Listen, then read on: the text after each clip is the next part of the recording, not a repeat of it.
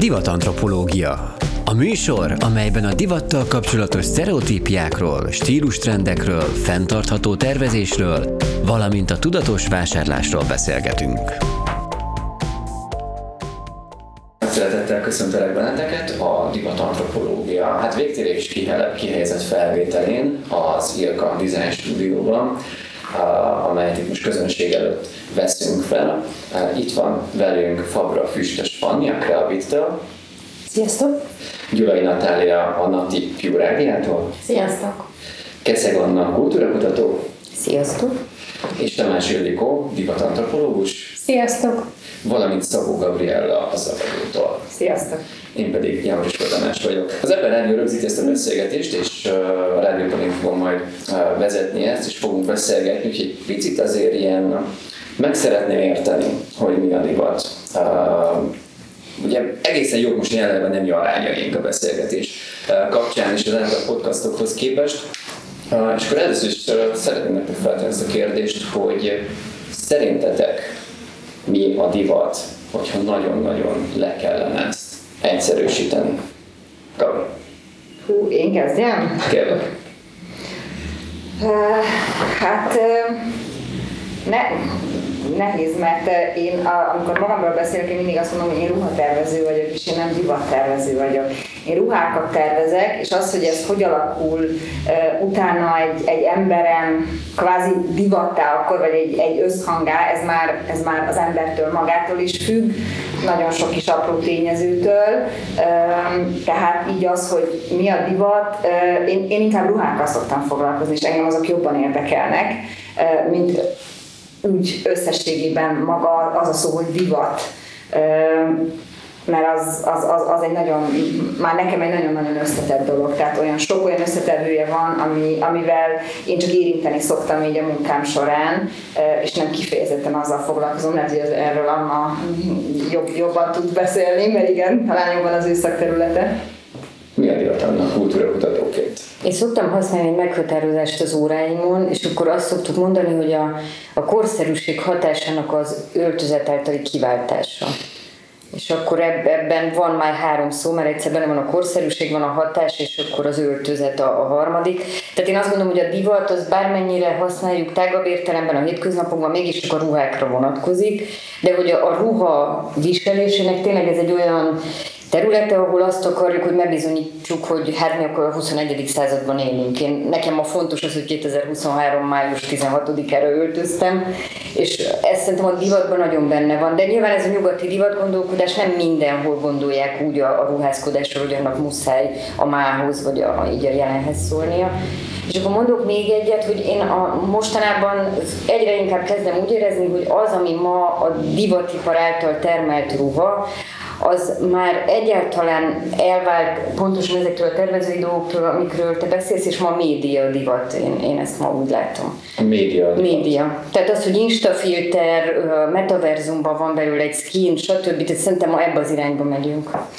Szerintem ez nagyon emberfüggő, mert valószínűleg én, mivel én, ne, én nem élek ebbe a világba, és az én vevőim sem, tehát szerencsére engem valószínűleg azok az emberek találnak meg, aki, akit úgy ez a hagyományos értelemben vett ruha jobban érdekel, és úgy, hát nem, nem, nem a Instán éli az életét, hanem ugye normál hétköznapokban. Érik a kulturális divatantropológusként mi a divat? Ahelyett, hogy egy definíciót próbálnék adni, én inkább belekapaszkodok az előttem szólók mondataiba, ugyanis már is ketté választottuk azt, hogy divat és ruha öltözet, és ebből nekem most beugrott egy bocsánat, hogy most itt ekkor átugrok időben, egy 19. századi vezércikk a koszorúból, ahol Léva József azt taglalja, hogy egyrészt egy mai stylist módjára mutatja be, hogy, hogy miért fontos az öltözet, és hogy mire szolgál azon túl, hogy van praktikum értéke, de nagyon sokat mesél az esztétikai oldaláról és, és a, az identitás kifejező oldaláról is a dolognak. Igen, nem csak amikor ezt kifejti egy haságon keresztül, akkor egyszer csak megjelenik a cikkben a divat szó, és abban a pillanatban valamiféle óriási kontraszt is megjelenik.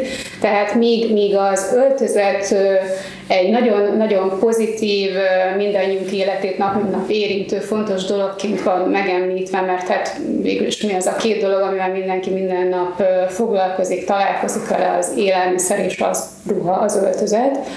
De amikor megjelenik a divat szó, akkor az valami külső, ránk kényszerített, idegen, a valóságtól, a hétköznapi élettől már-már elrugaszkodott másik, másik regiszter, egy távoli szféra, ami, ami egyfajta fenyegetést is jelent, valamit ránk, ránk kényszerít, ami, ami nem biztos, hogy jó nekünk, és ennek azért megvan egy kicsit a lenyomata szerintem most a kortárs irányban is. Én nagyon sok emberrel, akivel beszélgettem, tapasztaltam azt, hogy ez a véleményük, hogy a divat igazából minket nem érint, az, az egy tőlünk elég távol eső műfaj. Tény, hogy ma már minden professzionalizálódott, tehát nyilván a ruházkodás is egy, egy ilyen szakmává vált dolog, és az emberek nagy része már lemondott arról a alapkészségről vagy tudásról, amit azért a történelem folyamán, vagy annak nagy részében a ruha jelentett, mert az egyrészt sokkal egységesebb mederben terelődött, hogy mindenki tudta, hogy az ő korának, társadalmi státuszának, családi állapotának megfelelően mit hordhat. Az szólt a lokalitásról, tehát ránéztél valakire, és meg tudtad mondani, hogy, hogy honnan jött. Tehát egy nagyon, az esztétikumon túl egy csomó információs dolog is belekapcsolódott ebbe, ebbe az egészbe. Ma ezt a fajta készséget eléggé elveszítettük, úgyhogy a, a divat innen megközelítve viszont egy kicsit segít az embereknek tájékozódni abban, hogy hogyan tudjanak esetleg magabiztosan mozogni a világban.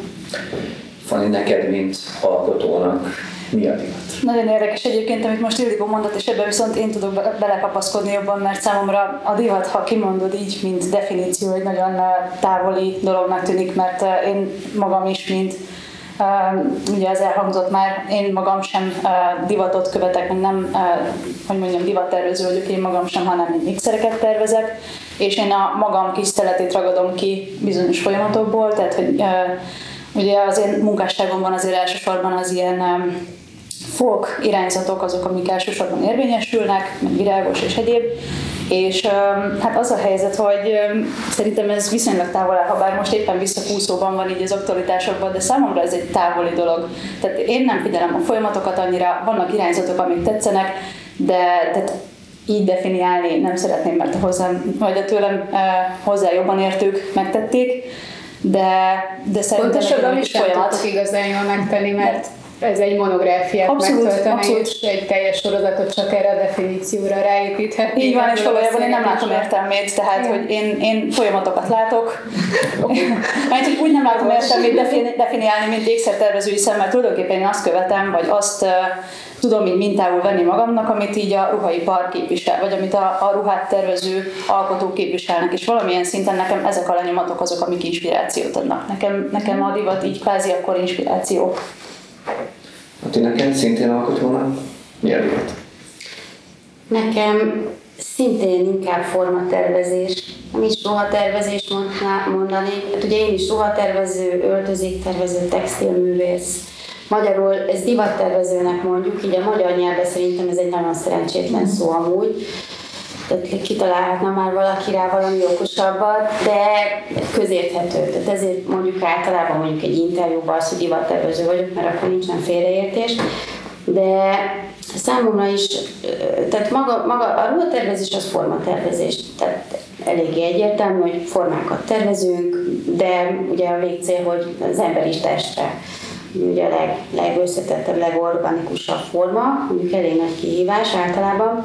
Nekem az a lényeg, hogy olyan ruhák szülessenek nálam, amik utána lehet, hogy mondjuk nagyon karakterisztikusak, vagy nagyon-nagyon nagyon erős jelek, mondjuk így, de a mindennapi életben az a kollekció többi részével, amik viszont nyugisak, meg bézikebbek, úgy legyenek összevariálva, hogy up-to-date legyen, tehát hogy legyen helye, és itt, jön, itt csatolnék vissza annára, hogy a mostani világban teljesen jól bele helyezkedjen, tehát bárki bármilyen extra dolgot felvehet, az ott ö, éljen, tehát ne, ne szakadjon le, ne legyen, tehát hogy egy abszolút befogadható legyen egy, egy olyan közegnek is, ami, aki mondjuk abszolút nem mozog a divat világába, vagy nem divatérzékeny, vagy sőt ki van arra hegyezve, hogy valaki egy kicsit más, mint a többiek. Tehát, hogy ezt elérni, hát nem könnyű feladat, de ez kihívás.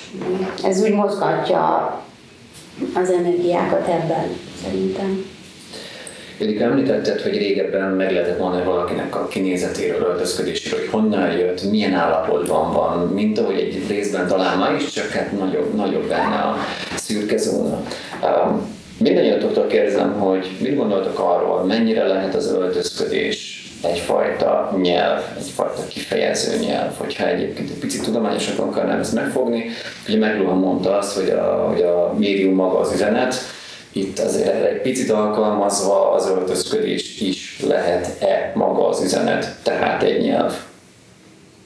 Nagyon bólogatok közben, nyilván felvétel nem, nem, látszik helyszínen, igen, de hogyha ez egy nyelv, és akkor hogyha ebben egyetértünk, akkor milyen jellegű nyelv, és ez már szerintem a nehezebbik része hiszen mondjuk egy nyelvet lehet jól, rosszul beszélni, tájszólással, akcentussal, nem feltétlenül jó nyelvtani szerkezetekkel, szlenggel, argóval, mindenféle ilyen. De... Szerintem például azt kéne kimondani, hogy ez egy nagyon fontos nyelv, tehát hogy ezt beszélgettünk ott a podcastbe Ildivel arról, és én azt gondolom, hogy azért egy picit szerintem még mindig így degradálva van. Tehát, hogyha valakit úgy nagyon érdekel a divat, akkor az úgy az úgy, jaj, biztos nagyon felületes, stb. Meg, meg azért, tehát azért szerintem ne legyünk hogy igen, az első benyomás az azért ott van az öltözék, hogy amikor találkozol valakivel, mi van rajta, és ez hova mész, tehát mit viselsz, ez nagyon befolyásolja a te hangulatodat is, és az, akikkel találkozol. Tehát, hogy ez egy igenis nagyon fontos nyelv, most, hogy ki hogy beszéli, vagy akarja beszélni, az már, az már egy más kérdés. És hát nagyon felgyorsult most minden, tehát szerintem most is nyelv természetesen az öltözködés, csak sokkal több féle nyelv van párhuzamosan egymás mellett, és sokkal gyorsabban változik ez a nyelv, mint, mint régen. Tehát eleve a holisztikus tudás, tehát hogy mi most, hú, de most nagyon rálátunk majd, majd mindenre, és mindenféle öltözettípusból tudunk olvasni, tehát ez ma már elképzelhetetlen, még mondjuk egy 20. század elejé Magyarországon ez eléggé jól kivitelezhető volt, vagy bárhol a világban, és most is vannak olyan helyek még a világban, ahol talán most is jól működik. Már azt gondolom, hogy a a lokál, lokalitáshoz, vagy a bizonyos közösségekhez, vagy szakmai csoportokhoz való tartozás helyett az öltözet inkább az individuumot próbálja kommunikálni. Tehát most talán azt is mondhatjuk, hogy, hogy az egyéniség a, a divat, az individuum. És ebben jól megfogalmazódik a divatnak az ellenmondásossága is, mert ugye a divat valahol azzal a célral születik meg, hogy minél több ember kövesse. Tehát hoz valami újat, akkor az emberek ezt ugye elkezdik trendként magukével tenni, viszont ha már mindenki, mindenki e, ezt hordja, ami éppen, éppen divatos, akkor, akkor az már nem is lesz annyira divat, tehát akkor rögtön elő kell rukkolni valami újnak, tehát hogy ebben van egy ilyen nagyon furcsa körforgás, hogy de erről szerintem Anna sokkal többet tud mondani, mert hogy akkor tudom, hogy konkrétan foglalkozott ezzel a kérdéssel is. De ez most itt tényleg izgalmas, hogy így behozta ezt a szempontot, hogy az ellenmondásosság a divatnak, hogy nagyon sok divat meghatározás ezt emeli ki, hogy gyakorlatilag ez a lényeg, hogy összebékíthetetlen ellentétek vannak egyben a divatban, és akkor szerintem itt az egyik valóban ez, hogy, hogy a divat által az ember egyszer akar beilleszkedni és kitűnni, ugye ez a, hogy én tényleg az egyéniségem, de az csak olyan mértékben, hogy azért a csoport még ismerje el, és hogy ne menjek túl ki ezeken a Egyfajta a komfortos individualizmus. Pontosan. De ez egy igen, van. Ja, igen. És a másik szerintem ez a nyelv vagy nem nyelv ugyanez. Tehát ez, amikor Roland Barthesnak megjelenik a 60-as években a, a Divat mint rendszer című könyve, akkor utána lezajlik egy nagy vita arról, hogy igaza van-e vajon Barthnak, hogy, hogy nyelv a divat. És vannak olyan tudósok, akik azt mondják, hogy egyébként ez nagy hülyeség állítani, mert minden nyelvhez kell egy minimum megegyezés arról, hogy minek mi a jelentése, és a divatnál azért ez a, a minimum megegyezés, ez azért nem igen van. Mert mit gondoljuk arra, hogyha most nagyon divatok, ugye ezek a kárgonadrágok, ilyen nagy zseb, izé, hát hogy annak mi a, mi a jelentése, mit tudok arra mondani, nem? Mert hogyha én például szoktam olyanba járni, most én vagyok egy momis tanár, nyilván nem azért hordom, mert az amerikai rap kultúrának azt a rétegét fogyasztom, am- amiben ez így elterjed, hanem azért hordom, mert én az antidivatnak valamilyen hagyományát szimpatikusabbnak érzem így a, a saját öndefinícióm szempontjából. És akkor ott hol, hol volt az a kicsi megegyezés, hogy a, mit jelent a karbonadrág? Erre szerintem nem tud senki adni egy választ, hanem tényleg így ilyen eseti külön válaszok vannak. De azért hasonló folyamatokat láthatunk a nyelvben is, ott van mondjuk a, szerintem már valamennyire kikopott a vigéckedni szó, ami ugye németből jön, ahogy vagyból, és ez a vigéckedés ez ma már más jelent, ugyanígy hasonlóképpen a kargonadrággal, amikor azt mondom valakire, hogy ő vigéckedik, nem az arra értem, hogy jön és kérdezgeti, hogy hogy vagyok. Na, De hogyha azt mondom, hogy esik az eső, azért azt így nagyjából mindannyian felfogjuk, hogy ez a, ez a mondat, ez így a magyar beszélőknek ugyanazt jelenti, nem? És hogyha azt, azt a részét veszük ma, most ilyen jelként, hogy például ha elmész egy ilyen, nem tudom én milyen e, rendezvényre, vagy egy állásinterjúra, azért ott viszont vannak ilyen meghatározott formák, hogy mit illik felvenni, vagy mi az, ami nem, vagy az, az nem tekintető nyelvnek. Most kérdezem, hogy Hát ugye vagy az milyen, Na. hogy Úgy tűnik, hogy erről szólt az a, az a lassan 30 éves vita is a könyvkiadása, amit most kevésbé fogunk megfejteni. De hozzátok alkotókhoz fordulok, hogy ti mennyire tekintitek nyilván a saját uh, alkotásaitokat, tervezéseiteket, uh, nem is csak azt mondom, hogy nyelvnek, mert az egy túl nagy dolog, hanem hogy van-e benne, akartok ebben érakni valamilyen fajta üzenetet, hangulatot, némileg eltekintve attól, hogy valóban nyelv a, a divat. Mivel a célotok, amellett, hogy nyilvánvalóan jó alkotni és készíteni ezeket? Nálam nem feltétlenül, tehát nálam általában a kollekcióknál van egy téma, vagy tematikus, vagy anyagra tervezek, valamit feldolgozok. Utána a, a végfelhasználó, aki hordja, az ő feladata az, hogy utána ö, adjon ennek egy kis jelentéstöbletet, tehát hogy az én fejemben mi van, azt ő valószínűleg már nem fogja tudni. Ö, esetleg tudhatja. Ö, itt szerintem szintén az, amit a kollégák mondanak, hogy, hogy az egyéniség, az individuum kifejezése, a célja annak, a, annak az embernek, aki viseli ezt a ruhát, hogy ezt ő teszi, hogy ő hogy kombinálja össze, az már tőlem független, tehát hogy kikerül abból a burokból, amit kollekciónak nevezünk, ez lenne az egyik. A másik meg tényleg ez, hogy ez a menekülés, ezt magamban érzem, de szerintem az összes divattervezőt ide lehetne sorolni a világon, hogy ez a menekülünk a divat elől című történet, pont ez, hogy mindenki ki akar tűnni tervezőként, vagy, vagy átlagemberként nevezzük így, szeretne más lenni, mint a többiek, csak nem biztos, hogy meg, meg tudja úgy elépni.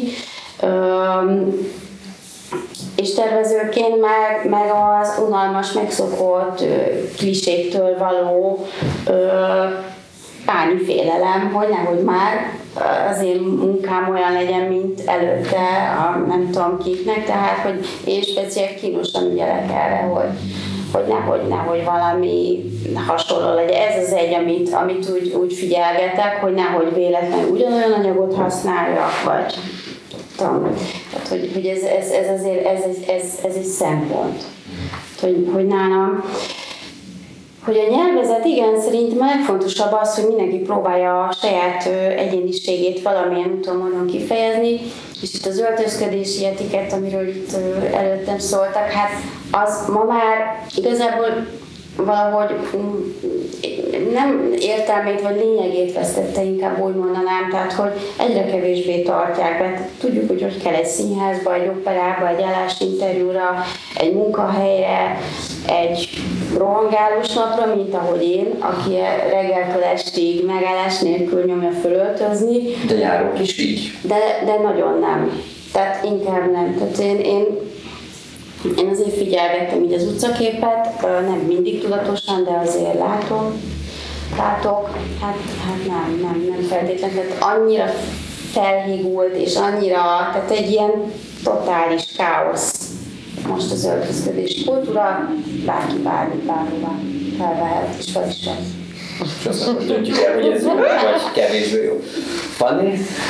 Hát az az igazság, hogy az én esetemben egy picit um, konkrétabb talán az a szeret, amit én kiragadtam még az ékszer készítésen belül is. Tehát én uh, kvázi olyan ékszereket készítek, amik uh, valamilyen szinten az én személyiségemet azért tükrözik, de egyébként ugye, ahogy említettem, nekem ez a folkos, virágos irány alapvetően az, amit én, én képviselek, és én ehhez szigorúan ragaszkodom, tehát Um, régebben volt olyan, amikor így elkezdtem, és igazából hobbiból csináltam ezt az egészet, hogy bárki bármit kért, akkor nyilván ugrottam le, és megcsináltam, és megterveztem, és egyebek, de most nagyon-nagyon szigorúan ragaszkodok ahhoz, hogy csak a saját stílusomban vagy az elképzelésem szerint nem mondom, hogy hogy kizárólag csak saját mintet, de most már inkább szűkítem azt is, hogy csak saját tervezésű, mint a saját motivumvilág legyen az, amit én adok másoknak, és nyilván akkor ez az alapján találnak engem meg, a vásárlóim, hogy nekik ez tetszik vagy sem, és ők ezzel ki tudják fejezni azt, amit ők szeretnének magukon. Nyilván egy kiegészítő sokkal kisebb módon látható, vagy kisebb szeretet elfoglaló dolog, mint mondjuk egy teljes ruházat, viszont szerintem, aki, és ahogy említettem, ez szerintem egyre jobban kúszik vissza a mindennapokban ez a folkos irány, amit szeretnek sokan, én, én ezt az irányzatot képviselem. Én azt gondolom, hogy ezzel ki tudják fejezni az emberek magukat, hogyha tetszik nekik ez az irány. Nemrégen beszélgettem az egyetemi hallgatóimmal arról, hogy ők hogyan öltözködnek. Mert azért látunk ezt, azt látjuk a nagyon oversize cuccokat, látjuk a fast fashionben, vagy én legalábbis látom, tudom, hogy láttok fast, de amennyire mondtátok, hogy, hogy, hogy egyfajta ilyen fura kavargó káosz van az utcán, hogy már nem tartjuk be ezeket a, ezeket a kódokat. És uh, hallgatóim mondták, hogy vannak, akik a nagyszüleik szüleiknek a ruháit hordják, mert egyszerűen jól érzik magukat benne, vagy van neki valami története, volt olyan, aki, aki azt mondta, hogy ő megveszi hirtelen a, a boltban, mert tök jól áll, és akkor hordja egy félig. Tehát, hogy nagyon sokfajta uh, megoldás, stratégia, elképzelés van pont ebben a fajta uh, puha individualizmusban, vagy komfortos individualizmusban. Uh, úgyhogy fel kell tennem nektek ugyanezt a személyes kérdést, mint amit nekik feltettem, hogy ti honnan öltözködtök, mi alapján döntitek el, hogy mit vesztek fel, és hogy a mögött van-e valamilyen elképzelés, bármilyen? Bár ahogy, ahogyan körbenézünk, most megint csak hangon hallatszódik, de majd a fotókról látni fogják a hallgatóink, itt helyszínen pedig szintén látjuk, hogy azért nagyon sokféleképpen öltöztünk fel. Hát nekem nagyon egyszerű, én nekem az egész márkám 10 három, 12 éve onnan indult, hogy én mit akarok felvenni, és nekem semmilyen más ruhám nincs, csak saját. Tehát, hogy úgyhogy ezzel úgy röviden megválaszoltam, tehát... Okay, akkor, akkor pontosítsa benne, hogy amikor magadnak tervezel, és így nyilván másoknak is. Igen. Mik a fontos? Hú, ez nagyon, ez nagyon változó. Um, ahogyan én változom. Tehát, hogy teljesen más tervezek most, mint mondjuk 5-6 éve, és, és, és érdekes módon amúgy nagyon egyszerűsödik a formavilág, én azt érzem, de, de azt gondolom, hogy ahogyan én, mint úgy, ahogyan élek, az egész személyiségem változik, ez nagyjából úgy változik. Én mondjuk mindig formákból indulok ki, tehát hogy én, én úgy tervezek, hogy nekem egy valami forma motivum, technológiai motivum uh, ugrik be, és, és akkor én azt viszem végig, és abból indulok, de körülbelül, hogy milyen hangulatom van, és éppen mit akarok felvenni, tehát hogy nekem, nekem így, így jön. Hát én már itt azt hiszem, hogy az egyik kulcs szó, ami engem így meg szokott ihletni, ezt már kimondtam, hogy engem az antidivat azért így nagyon foglalkoztat, tehát ugye ez a valahogy a divatnak az az irányzat, ami 80-as években kezdett el kialakulni, és hogy valami olyasmit mondta, hogy a divatrendszert kell tagadni, és olyan ruhákat kell hordani, amik teljesen szembe mennek mindazzal, amit egyébként csinál ez a terület. De amellett meg még az elmúlt időben lett még egy nagyon fontos elem az öltözködésemnek, hogy én ugye a Moholi Nagy Művészeti Egyetemen tanítok és tanítok divattervezőket, és és most lett egy olyan alapelvem, hogy tervezői ruhát csak olyat hordok, amit olyan ember tervezett, aki velem írt a szakdolgozatát. Úgyhogy jó kis alapelv, mert ugye én akkor egy picit így bele tudok abba mászni, hogy ez majd milyen legyen, meg, meg stb. És akkor én kicsit ilyen áttételesebb, hogy nem úgy, hogy megtervezem magamnak az, ami, ami tetszene, vagy azt, ami tetszene, hanem hogy tényleg ezt a pedagógusi együttalkotást, ezt én így most így elkezdtem picit így élni, úgyhogy ezek. Na most, ha jelen időben kell megadnom a választ, akkor, akkor röviden annyi, hogy én elsősorban magyar tervezők dolgait viselem. Ebben nyilván van egyfajta egy küldetéstudat is, és szeretett szerelem is, hiszen most már bő négy éve dolgozom velük ebben a kutatásban, és egyrészt azt gondolom, hogy az ismeretterjesztés éppen ezért a feladatom is ebben az ügyben, mert nagyon sokan nincsenek tisztában azzal, hogy milyen vásárlási lehetőségeik vannak, hogyha úgy akarnak költözködni, hogy, hogy, hogy abban úgy minden, minden együtt legyen, amire vágynak, mert ha egy picit visszamegyek időben, akkor, akkor tényleg fel, meg, meg, megemlíthettem én is a fesztesen darabokat és sok minden mást, szerintem mindenki végig megy ezeken a korszakokon, illetve hát egy olyan családból származom, ahol mind a két nagyszülőnél volt varrógép, anyukám is tudott varni, tehát hogy ez, ez is úgy mindig benne volt az életünkben, hogy saját magunknak is tervezgetünk meg, kitaláljuk, hogy mi, mivel jó együtt. Azt hiszem nálam is egyébként ez a motivumvilág és a, a színvilág az, ami alapján mind tervezek, mind választok és öltözök. Tehát uh, szerintem egyébként elég reprezentatív, hogy sikerült már is költözni, bár ugye nem látszik, de, de, de, de igen, tehát egyébként pont ez az, amit mondok, hogy így ez alapján választok és tervezek is abszolút a virágos formák és a folkos irány. Úgyhogy nekem ez így viszonylag le van tisztulva már. De egyébként nyilván vannak ilyen preferációk, meg színtípusoknak megfelelő, tehát ez a szokásos dolgok, hogy, hogy úgy készítem azért most már egyre tudatosabban az x-szereket, a, a, a, a kiegészítőimet, mindent ruhát úgy válogatok meg, hogy minél tudatosabban, és ez alapján készítem is őket.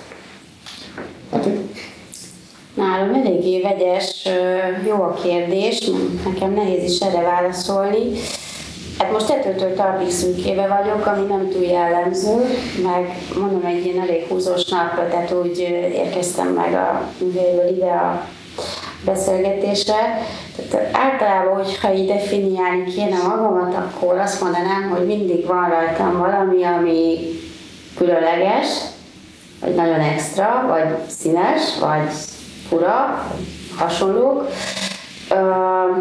Sok vintage dolgom van, imádom a régi dolgokat, tehát én, én hordok igazi szörmét, és ezt büszkén vállalom.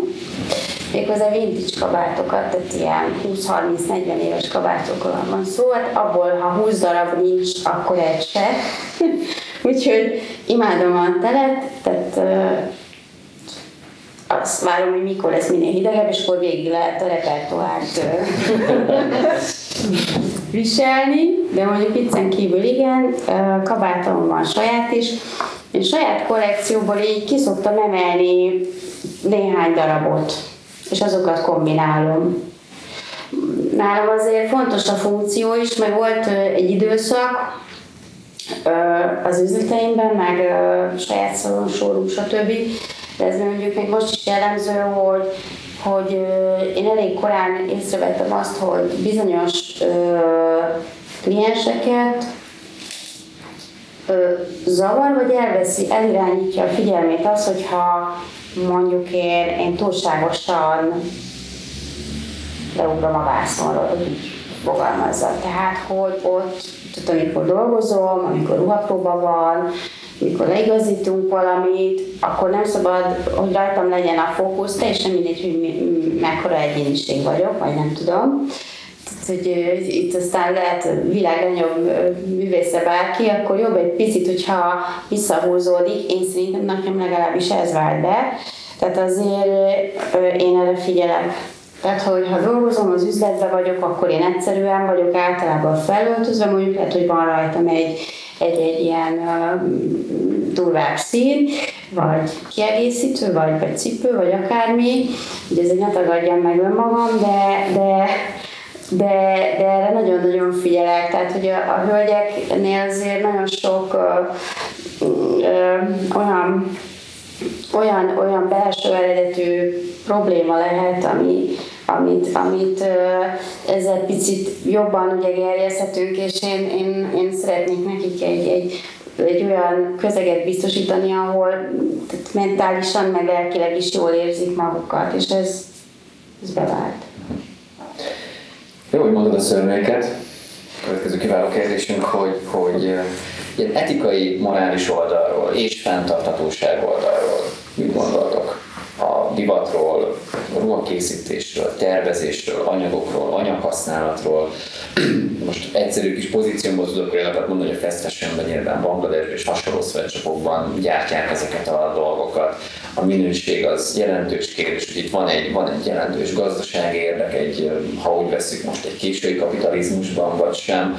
Tehát, hogy hogyan állnak ezek össze, mert nyilván én nem kívánom, hogy te válaszolni, meg válaszolni.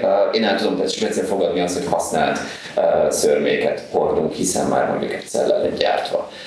Vagy milyen jellegű eszközöket veszünk meg, hogyan használjuk ezeket. Tehát, hogy ezekről így, tehát fenntarthatóság, etikai, morális kérdések, felfogások, mit gondoltok, mind alkotói oldalról, mind pedig nyilván a, a tudományos kutatói oldalról, és nyugodtan meséltek kérlek, sőt kérem is, hogy személyes oldalról mit gondoltok erről. Hát én, én akkor elkezdem, én azt gondolom, hogy nagyon rosszat gondolok a divatiparról ilyen szempontból. Tehát a rövid válaszom az, hogy, hogy ennél rosszabbat szerintem egy kevés dologról gondolok így a, a világon. Tehát hogy tényleg azt gondolom, hogy ez az iparág, ez úgy, ahogy most így összeállt, a, a legrosszabb dolgokat csinálja. És itt most pont nem rátok utalok, akik divattervezők vagytok egy ilyen viszonylag kis kultúrában, meg nyilván ilyen organikus közösségekben adjátok el a termékeiteket, hanem az az iparág, ami nem is tudom, hogy hogy is hogy 3 milliárd dollár értéke van, hogy most lehet, hogy rosszul mondom ezt a, a hogy is van, a billion milliárd, ezt bele szoktam kavarodni. De hogy ez tényleg egy olyan nagy gazdasági érdekek állnak a divatipar mögött, hogy itt szerintem nem lehet arról beszélni, hogy ez még a kreatív tervezésről szól, a bármiről, itt ez arról szól, hogy kell hozni a profitot, és aki ezt nem tudja hozni, azt egyszerűen megöli ez az iparág. És akkor itt, tehát hogy az etikai dolgok, ugye a fenntarthatóság, stb., de hogy szerintem ugyanolyan nagy probléma a társadalmi kizsákmányolás, ami a divatipart szuperül jellemzi, tehát a, az egyik, engem leginkább felháborító dolog az, hogy látjuk azt a nem tudom, valahány tervezőt, aki a Mergálán felöltözteti a, az embereket, és közben meg nem látjuk azokat a kezeket, akik megcsinálják ezeket a ruhadarabokat, és tehát, hogy ilyen, ilyen millió probléma van, ami a divatiparral kapcsolatban így felvethető akkor még fiatalabb voltam, azt vettem észre, amikor, amikor küldték ezeket az ilyen rendelős magazinokat, már mindenki találkozott vele, hogy egy darabig volt uh, őszi-téli kollekció, majd tavaszi-nyári, és egyszer csak így megszűnt az egész, és folyamatosan ömlött ki, és ezért ez úgy, ez úgy egy, azt gondolom, arra emlékszem, hogy egy, egy erős váltás volt. Kavi? Hú, hát so, sok dolgot felvetettél, tehát so, sok kérdése, meg sok része van ennek, ugye a fenntarthatóság, az etikai része. Ugye azzal egyetértek annál, hogy, tehát, hogy itt, itt az egész egy nagyon hát hosszas dolog, és nem tudom, hogy fel lehet-e oldani, mert tényleg emögött akkora üzlet áll, én a magam részéről tudok nyilatkozni, hogy én azt gondolom, amit én meg tudok tenni, hogy én, én nálam abban látom a fenntarthatóságot, én például nem csinálok méretsorokat, egyet se.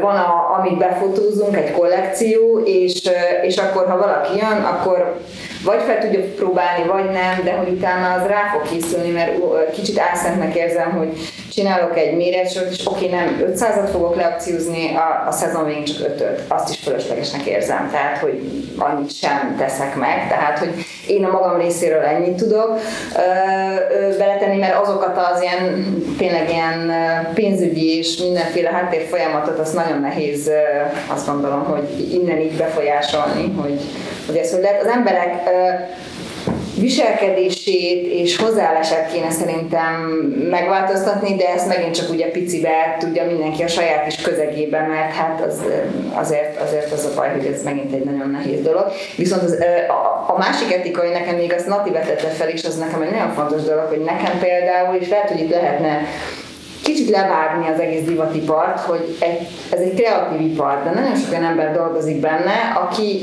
nem kreatív, de hogy az nem inspirálódás, tehát ezt nem szeretem ez a nevezünk inspirálódásnak, de ez konkrét másolás, és ez tök jó fel azt, hogy erre nagyon figyel, tehát tudatosan, és igen, én is, hogy ne legyen még csak hasonló sem, mert hogy próbáljunk meg valami egyedit, és olyan személyeset létrehozni, tehát akkor lehet, hogy kevesebb embernek kéne ebbe dolgozni, és már egy kicsit kevesebb ter- ter- termék jönne létre, és jobban járnánk, tehát hogy, hogy nem kellene uh, annyit fölöslegesen egymást másolgatni, és akkor inspirálódásnak nevezzük, mert hogy nem.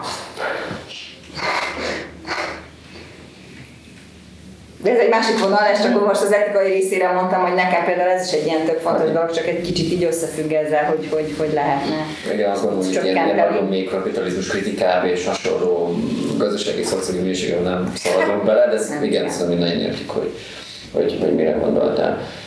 Értikó? Igen, az tény, hogy van most néhány olyan globális folyamat, ami újra fókuszba hozza a divatipart, mert azért valljuk be, hogy sokáig nem figyeltünk fel ilyen dolgokra, hogy mennyire nagy környezetszennyező vagy, vagy milyen kizsákmányoló módon történik a termékek előállítása. Pont most ebben a hónapban volt ugye a Rana Plaza, össze, Rana Plaza összeomlásának a tizedik fordulója, ha jól emlékszem. 13. Vagy már 13, bocsánat, igen. Tizedik évforduló. Már 13 volt, jó, jó, akkor még csak emlékeztem a tizedik évfordulója. Ugye, tehát, hogy az például egy olyan... volt, ahol nagyon sok ilyen sweatshop volt, ahol nagyon apró pénzért készítették a ruhákat, statikailag nem volt, tehát hogy nyilván ez Így van, tehát hogy a, a, a munkakörülmények azok ennyi szóval nem, nem voltak emberiek, és hogy ennek egy komoly tragédia lett a következménye, aztán ugye tudunk arról, hogy a világméretű környezetszennyezés, környezetszennyezés, éghajlatváltozás megint csak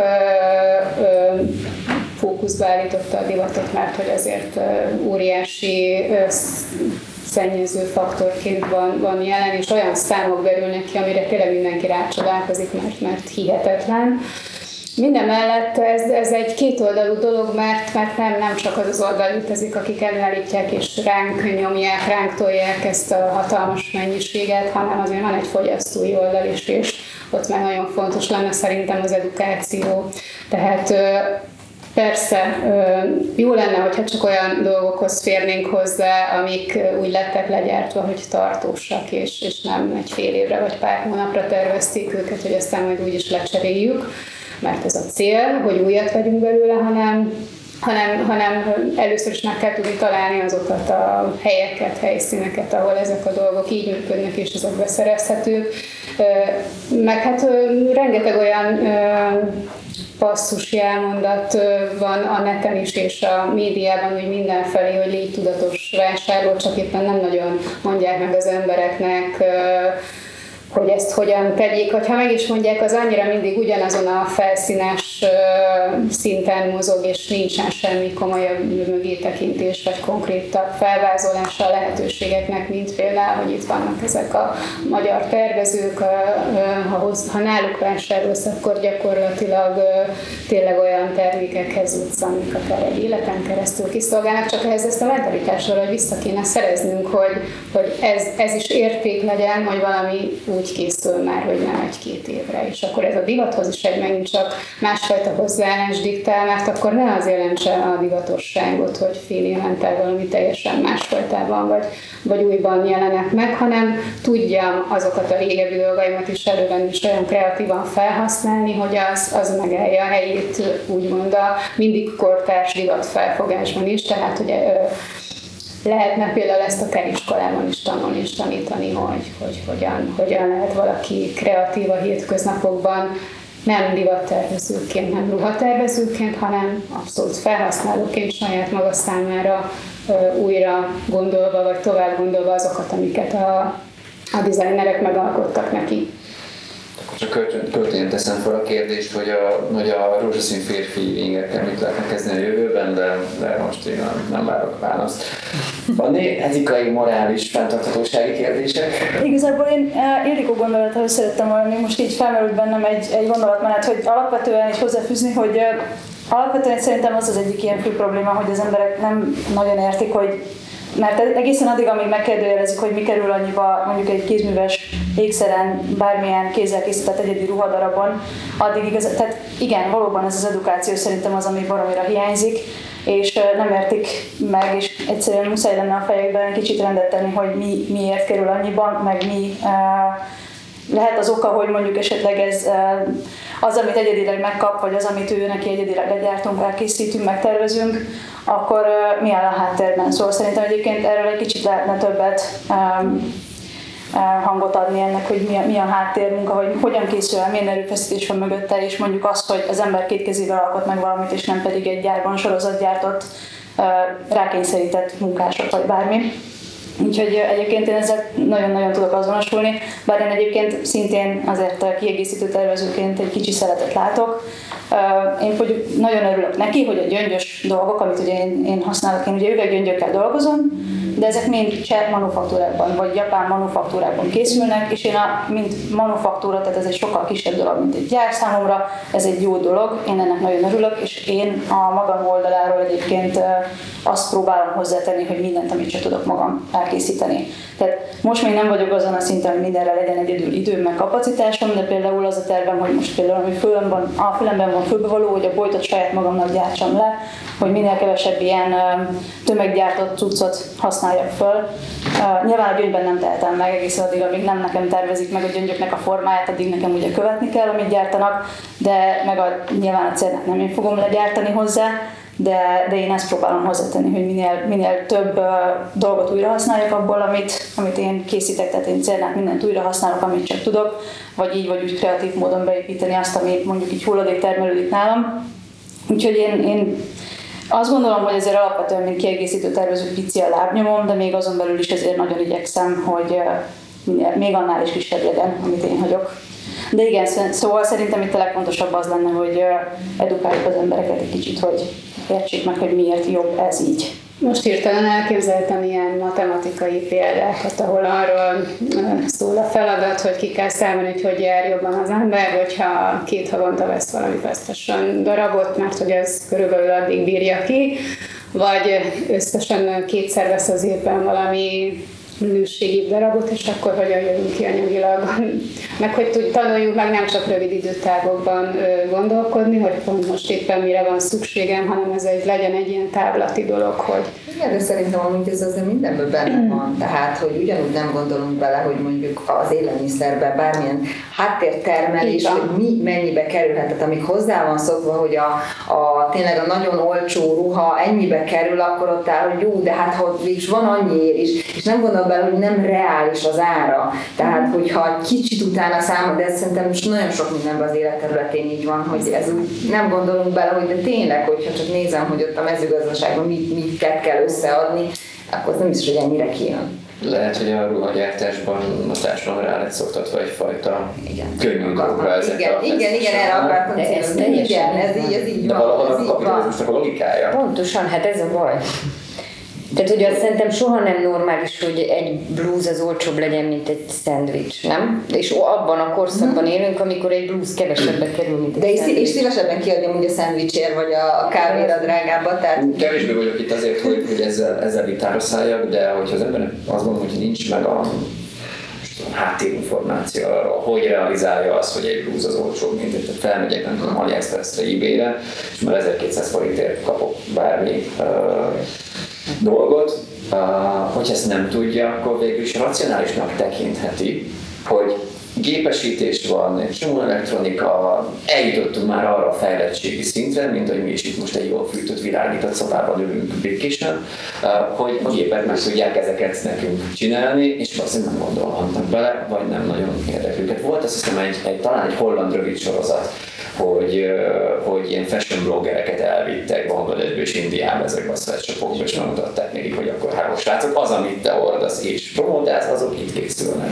És ezért az. De szerintem például egy ilyen nagyon apróság is nekem egy, akitől én nagyon sokat tanultam az első munkahelyemen, ő mindig mondta, hogy így barát jött, hogy úgy, figyelj, csinálj már meg légy, ott, ki neked két perc, és egyszer mondta, hogy oké, okay, megcsinálom, gyere ide, van nadrág felhajtás volt, vagy nem tudom. És nem is gondolt hogy végült vele, és így, ú, jó, figyelj arra, hogy többet nem kellett meg ilyenre, jó, hogy szívességben csinál meg, mert hogy tényleg nem is látta, nem gondolt végig, hogy mi az a folyamat, amíg ő lebontja, vittet, stb. És ennyi, hogy leültette, megcsinálni, végignézte, és mondta, hogy össze. Erősen Többet nem kellett szívességre. De szerintem pontosan ez hiányzik egyébként. Igen, igen, Pont igen, ennyi kell, igen, egyébként igen, egy ilyen igen, eljön valaki, nézd végig, hogy mi a folyamat. Pontosan, szerintem ez, ez lenne a legnagyobb kulcs, és ezért nagyon jók szerintem Budapesten ezek a showroomok, főleg ahol van egy kicsi műhely is, és akkor van egy kicsi betekintési lehetőség, onnantól kezdve már is megvilágosodik az ember, hogy na miért? Mennyi munka van mögötte? Mindjárt el is jutunk ahhoz egy pillanatra. Nati, etikai, morális kérdések, fenntarthatóság. Nekem is, van olyan, csak hogy így mellette dőlök, de nekem is van olyan kabátom, ami, ami hát halott állatból készült.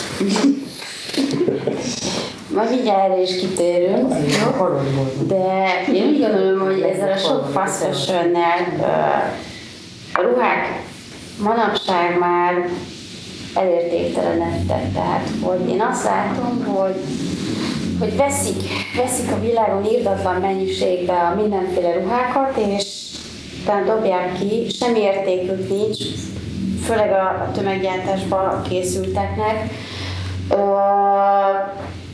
tehát azok ilyen lelketlen darabok, pikpak eldobálja az ember, Legszennye- elégülnek. igen, legszennyezőbb ipar a divatipar, iszonyatos mennyiség van a világban, ruhákban, mindenütt, tehát ez, a, ez egy őrületes szélmalomharc, amit, amit, amit mi, meg a hozzánk hasonlók ö, próbálnak itt ö, vívni, mert hát ö, kétségeim vannak ezzel kapcsolatban, hogy ö, mi lesz a, a végeredmény, de mondjuk ez az alulról szerveződés, ö, azért ez, ez csak fontos.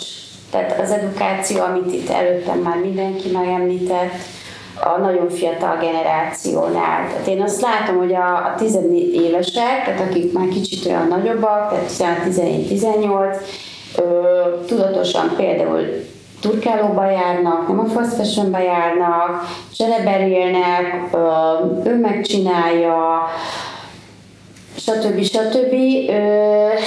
És ez pici dolognak tűnik, de azért, azért számít. Például mi se gyártunk ö, méretsort.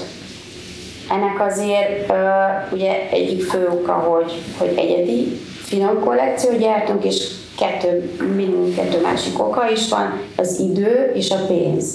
Mert azért ez sok idő és sok pénz, mire mi legyártunk egy bármilyen ö, produktumot, ezt azért ne felejtsük el, meg, meg, meg kell említeni. Tehát nekünk is nagyon figyelni kell a költségekre. Úgyhogy igazából visszahozni az öltözködés értéket, meg a ruhák értékeit, az, az a mi feladatunk. Tehát azért az én vásárlóim ezerszer meggondolják, hogy azt a ruhát megveszi-e, és utána ki fogja eldobni. Hát nem fogja kidobni, ez egészen biztos, mert tartós lesz, mert szeretni fogja, mert csak olyat ajánlok neki, ami neki tökéletes, vagy az ő méretére készül, nem jön szét, stb. stb. Tehát erre számtalan példa van, hogy jönnek a, a, a kuncsatok, és akkor így Uh, még kérdezem, hogy Jézusom, ez még megvan. Tehát, hogy ilyen nagyon régi darabok, és még nem jött szét, és akkor mondani, nem, nem, teljesen normálisan hordható, stb. stb. És én is meg vagyok lepve, hogy ez még mindig megvan neki. Úgyhogy ez egy szuper érzés. Úgyhogy szerintem ez egy ilyen fajta dolog, hogy ha egyszer így rákap erre az ember, akkor hát hát, ha megfertőződik. És igen, rendkívül nehéz ellenállni a sok fashion borzalmasan nehéz, tehát az, azért mindenki bevallhatja, hogy, hogy belecsúszik ilyen vásárlásokba, ilyen világban élünk, egész egyszerűen megkerülhetetlen. Egy jó, egy jó zenekaros póló egyik diszkontáló Ja, házban. igen. Az, az. Úgyhogy, eh, meg ahogy utaltál itt a, az alapanyagok felhasználására, hát mi is nagyon sokat ugye rendelünk külföldről. Itthon is megvannak a források, hát Kínából egyáltalán nem rendelünk, mondjuk ez semmit nem jelent, mert lehet, hogy nem tudom, hogy amit én Franciaországban rendelek, az nem a Kínába gyártották, ugye? Például ez egy dolog, és a szörme vagy nem szörmet, mi is évek óta műszörmét, tehát évtizedek óta műszörmét használunk, amúgy mostanában leginkább egy, egy Japánban készült tűzálló, hát műszörmét. Mondjuk ez csak egy dolog, hogy az egy tulajdonos. Hát igen, végül is. Úgyhogy egy, ez egy ilyen nagyon fontos tulajdonság de viccet félretéve, én szerintem, és akkor magam ellen beszélek picit, tehát nálam a műszörmű felhasználás, mint, mint alkotó, mint um, kreátor, mint stb. fontos. Én abból tudok jól dolgozni. Nekem ez onnan indult még nagyon régen, hogy én szerettem volna igazi szörmével foglalkozni. Tehát én szerettem volna, amikor egyetemre jártam, ugye akkor még ma akkor Magyar Művészeti Egyetem volt, a szűcsmesterséget kitanulni, de már akkor kihaló szakma volt sajnos itthon.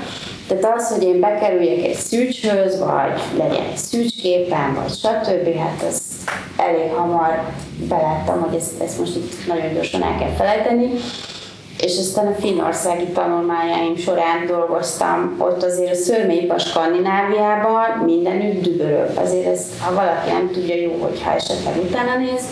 A legfantasztikusabb igazi szörme kabátokban vonul mindenki, tehát a műszörme nuku, esetleg ezek a szuper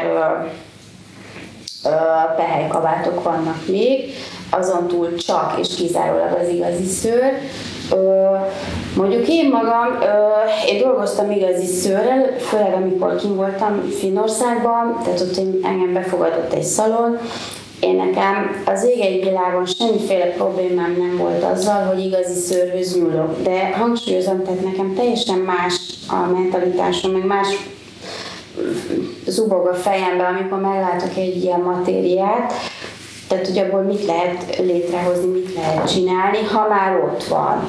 Ha már ott van az a bőr az asztalon is föl van lőve, ugye így fel kell lőni, és abból lehet dolgozni, és mondjuk, amit hangsúlyoznak az, az igazi szörmű felhasználók, azon is érdemes elgondolkodni, hogy ez egy természetes lebomló anyag. Tehát ez igenis le fog bomlani. Én nem tudom, hogy ezt a szegény állatot most éppen hol tenyésztették, hogy mit csináltak vele, de ez akkor is is sokkal inkább fenntartható ö, alapanyag, mint, mint a műanyag. És ez, ez tény. Tehát, hogy ennek azért még mindig elég nagy kultusza van próbálják így eltusolgatni, meg az állatvédők, stb., de, de azért ez még mindig nagyon-nagyon tartja magát. Mert többször említettétek, hogy mégiscsak milyen külső-belső hatások hatnak arra, hogy az ember hogyan öltözik, a divatot hogyan ítéljük meg. És ebből én szeretném kiemelni a médiának a, valahol a nyilvánosságnak a hatását.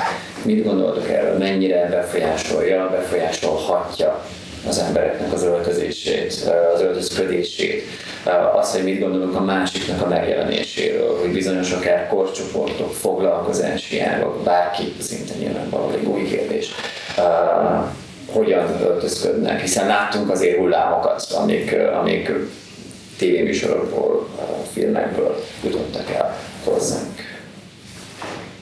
Hát, Valóban annyira hat a média az öltözködés? Majd megint átadom a szót, mert, mert, mert, nem, mert azért, hogy ez, ez megint azt gondolom, hogy nagyon egyénfüggő.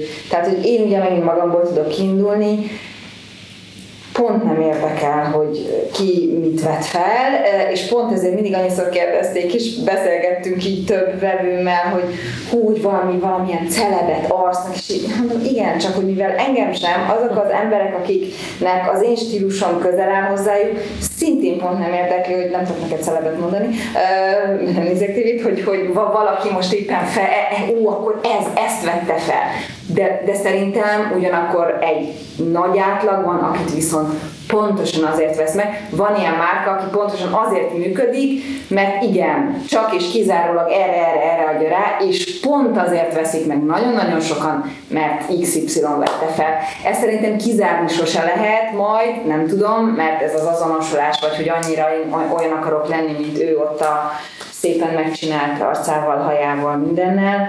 Ez biztos, hogy mindig meg lesz, tehát nem tudom, hogy ezzel ellen mennyire kell küzdeni, vagy nem, hogy, hogy, hogy legyen vagy ne legyen, szerintem biztos nagyon hat, mondom, én a magam részéből tudok indulni, hogy engem nem érdekel, de ez, ez, ez egy szubjektív része, tehát, hogy szerintem van és, és erősen hat. Anna nem gondolom, ja, hogy igen. igen. Szóval én ezért is mondtam azt, hogy szerintem ma a divat média, tehát hogy ebben a, ebben a rossz értelemben vett divat fogalomban, amit itt az előbb megpróbáltunk az etikai problémákkal körüljárni, abban szerintem egy média jelenséget kellene, hogy eltemessünk. De hogy mondjak, mondjak akkor erre egy példát, hogy, hogy mondjuk szerintem ez a hatás, ez hogy mérhető, hogy én 2008-ban kezdtem el tanítani, ugye az még az, az, az időszak volt, amikor még a közösségi médiának nem volt kitapintható jelenlét a mi életeinkben.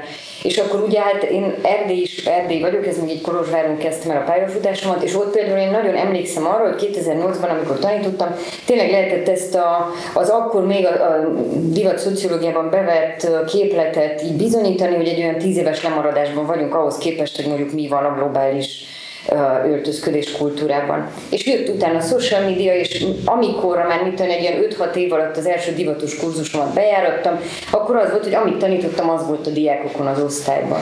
És én ennek nagyon örültem, mert hogy végre nem kellett a példákat nem tudom honnan hozni. Most nem tudom mennyire mondtad így uh, cinikusan ezt a, a rózsaszín férfi inget, de hogy erre például nagyon emlékszem, hogy, hogy mindig volt egy példám egy ilyen tokiói street fashion bloggerrel, és akkor amikor elkezdtem tanítani, ez történetesen rózsaszín zokni volt, és akkor rózsaszín zokni volt valahogy így, nem tudom, egy öltönnyel összekombinálva. Mikor elkezdtem tanítani 2008-ban, akkor még az volt, hogy úristen, egy férfi rózsaszín zokni, ne is lássam, borzalmas a pasik ide, nehogy oda süllyedjenek. És azután eltelt mint egy hat év, és megkezdtem, hú, de menő, ő is csinálja, és semmi baj nincs ezzel. Most meg színes gyerek és, és, ja, és utána teljesen így normalizálódott az, hogy ugyanaz a típusú divatkultúra határoz határozza meg a kolozsvári diákjaimat, mint most a moméseket, vagy stb.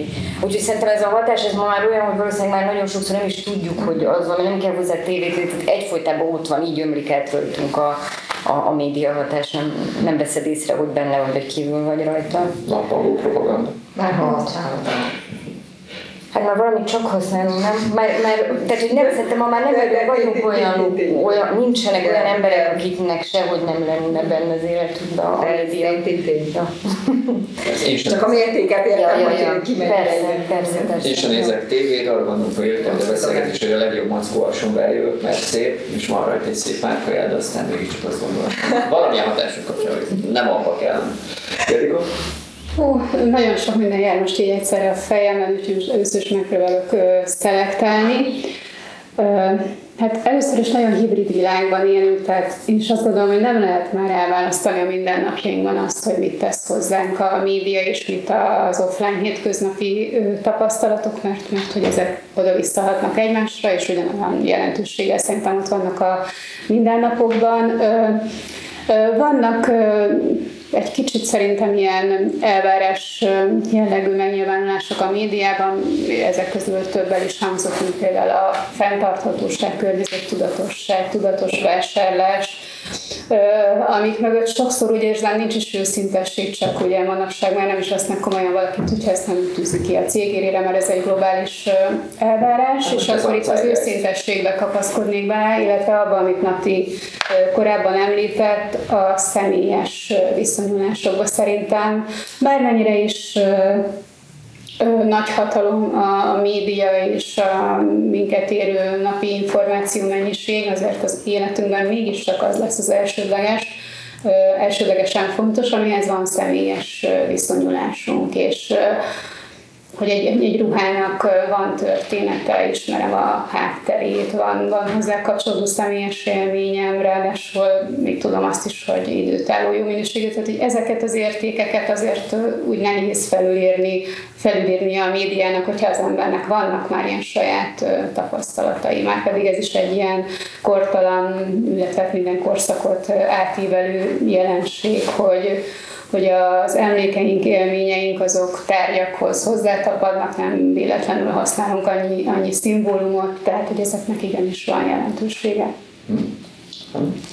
Nem tudom, hogy ez az én aspektusom mennyire releváns így ebben a tekintetben, de most ugye arról beszélgetünk, hogy így a médiának a hatásai, de tulajdonképpen, hogyha most én megpróbálom a pozitív oldalát kihasználni a dolognak, hogy tulajdonképpen mi is így tudunk hírt adni magunkról, tehát mi is így magunk is terjedünk, meg így tudjuk a hírünket adni, tehát hogy tulajdonképpen ennélkül a média nélkül, a média hatalma és az ereje nélkül képtelenség lenne olyan szinten ismerté válni, meg erről információt adni, meg hogy mondjam, ismerté válni, igen. Tehát az a lényeg, hogy, hogy én, én próbálom a pozitív oldalt, meg én nyilván egy másik generáció is vagyok már talán, Um, én többet veszek ki belőle a márka terjesztésének az érdekében, mint amennyi negatív hatása van. Valójában én is látom, hogy terjednek a bizsuk és a társaik és a Shine és a többi, tehát látom én is, uh, találkozok vele, de én például a magam részéről ignorálom, mert nem tartozik az érdeklődési köreim közé.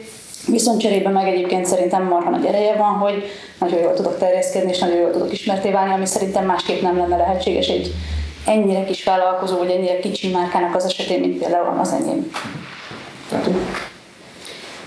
Fanninak igaza van valahol ebben, hogy, hogy nekünk is nagyon fontos a média, az a más kérdés, hogy meddig jut el a hír, vagy hova jut el, mert ugye akkor a zaj, ezt mondani. Köszönöm most már, de ez tényleg így van, hogy hogy sok-sok között elvészhet az info, meg, a, meg, a, meg az áramlás, de nyilvánvaló ezzel élni kell, meg próbálkozni kell.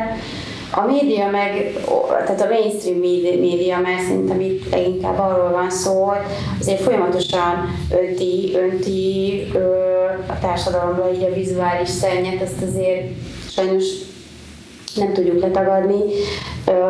A média feltűnést akar, meg látszódni akar, mert az neki pénzt hoz, tehát ugye ez így működik, és hát közízlés nem igazán formája, tehát hogy pont ami mondjuk nekünk lenne célunk, az nekik meg nem biztos, hogy tehát a nagy tömegekért érintve céljuk.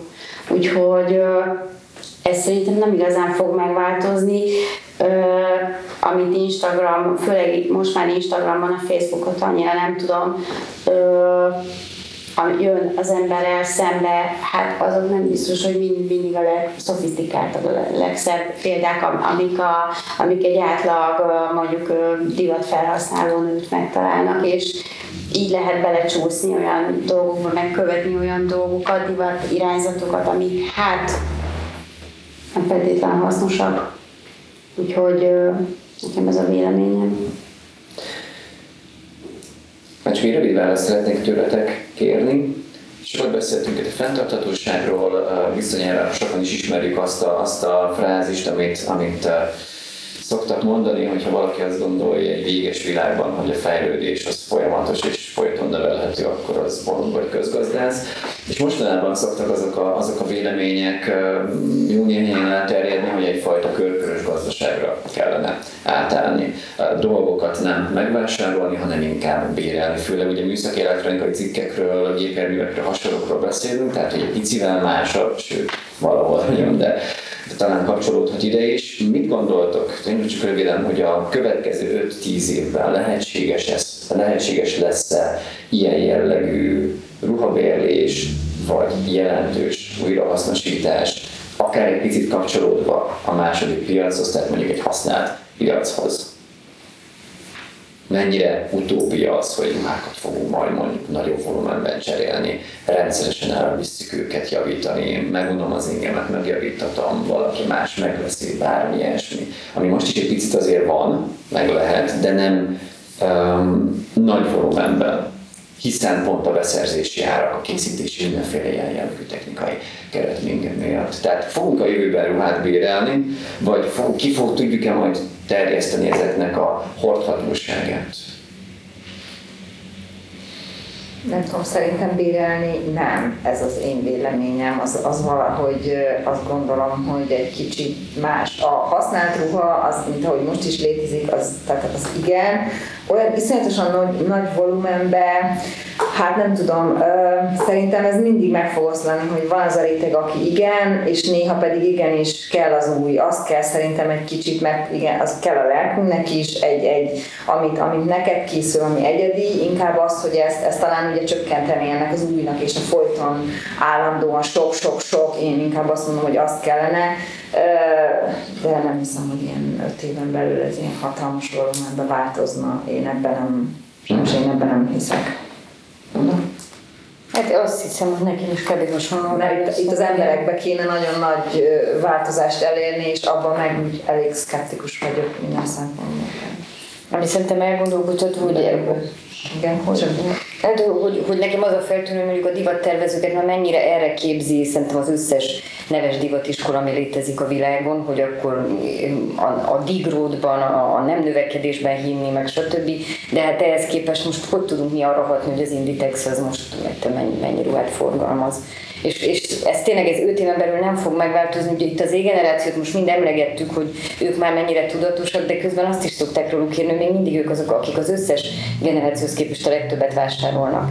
Mert ez egy ilyen kettős hatás, hogy ő tudja, hogy a fenntarthatóságról kell beszélni, és ez egy fontos dolog, de közben pedig a pánikvásárlás és a mentális problémáknak a, a vásárlás általi kezelése szintén náluk a, a legerőteljesebb. Úgyhogy hát azt hiszem, kicsit ilyen pessimista vagy. Én is szolgálat, és én is szoktam néha impulzus vásárolni, csak most az részek, egy kicsit bevegyük a keretfizet.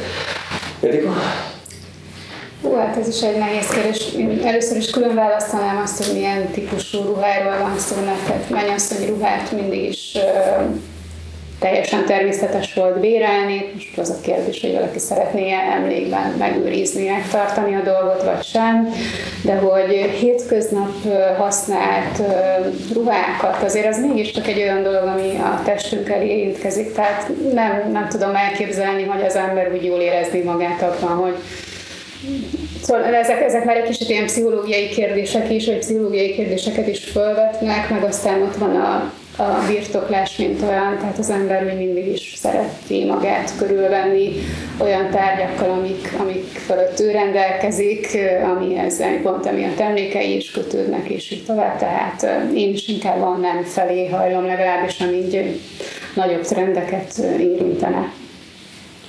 Teljesen egyetértek, mm. hogy én is így ketté választanám egy első körben. Én magam egyébként pont az elmúlt évben gondolkodtam rajta, nem tudom, hogy ezt eh, be fogom-e tudni vezetni, én is amúgy szeretnék majd ilyenre lehetőséget biztosítani egy ékszerbérlést, de ez szinte kizártnak tartom, hogy mondjuk egy hétköznapi viselet eh, mondjuk elérje. De ez a mennyasszonyinál, az alkalminál ez szinte biztosan nem már ez egy működő dolog, ebben látom a potenciált, ebben el tudom képzelni, hogy ez majd működjön, de egyébként nem. Szinte kizártnak tartom, főleg ilyen rövid időtávon belül. Mati? A bérlés, mint olyan nem volna rossz ötlet, de nekem is nagyon idegen, tehát hogy nem nagyon tudom elképzelni, hogy ez így a való életben, hogy, hogy valósítanák meg. Esetleg tényleg nagyon alkalmi, nagyon különleges ruhák, de mondjuk, hogyha divattervezői szempontokat nézem, akkor ennek, vagy erre valakinek rá kell állnia. Tehát, hogy biztos, hogy én nem adnék ki bérbe olyan ruhát, amit, amit utána visszakapok úgy a kollekciómba, hogy, hogy visszahelyeződik a, a rendes, kvázi rendes kollekcióba, akkor lenne egy bérlős kollekció. Akkor ez megint egy újabb gyártást, egy újabb befektetést, és stb. igényelne. Kérdés, hogy erre volna igény Magyarországon, hát nagyon valami kicsi lehetőséget látni erre. Mi volt a másik a használt ruhák? Piaca. Piaca. Hát, hogy el tudod mondjuk akár esetben képzelni, hogy egy kabátodat azt Persze, továbbadnak. Tehát, hogy nyilván... Ez már találkozom. igen. Ezzel találkozom abszolút én is, tehát, hogy Igen, igen, igen, igen, volt, volt ilyen, volt ilyen, nem is tudom, már számtalan alkalommal, hogy én is belefutottam, és ez egy nagyon jó dolog. Mert vannak bizonyos csoportok, akik tovább értékesítik a tervezői darabokat, és akkor aki eddig nem tudta, vagy nem volt lehetősége megvásárolni, akkor ő boldogan lecsap egy, egy ilyen darabra. És ez szuper. Nagyon szépen köszönöm, hogy itt voltatok, hallgattatok minket. Itt volt velünk Szabó Gabriella, Sziasztok! Tamás Ildikó, Sziasztok! Keszeg Anna, Sziasztok! Gyurai Natália Köszönöm és sziasztok! és Fabra Füstös Fanni. Köszönöm szépen, sziasztok! Járdősko Tamást hallottátok 2023. május 16-án az Ilka Design Stúdióban és a Divat Antropológia Podcast kihelyezett adását. Köszönöm és a figyelmeteket, sziasztok!